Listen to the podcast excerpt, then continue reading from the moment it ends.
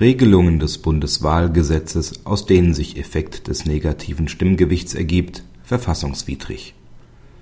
Die Regelungen des Bundeswahlgesetzes zum sogenannten negativen Stimmgewicht verletzen die Grundsätze der Gleichheit und der Unmittelbarkeit der Wahl (Artikel 38 Absatz 1 Grundgesetz). Negatives Stimmgewicht bedeutet die Konstellation, in der abgegebene Zweitstimmen für solche Parteien die Überhangmandate in einem Land gewinnen, insofern negativ wirken, als diese Parteien in demselben oder einem anderen Land Mandate verlieren.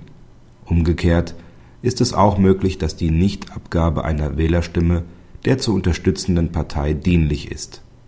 Dieser intensiv wirkende Eingriff in die Wahlgleichheit kann durch die gegebenen Zwecke föderalen Proporzes nicht gerechtfertigt werden der Gesetzgeber hat aber wegen der Komplexität der Regelungsfragen und ihrer Auswirkungen auf das gesamte Wahlsystem bis in die nächste Legislaturperiode hinein Zeit, um eine verfassungsgemäße Neuregelung zu schaffen.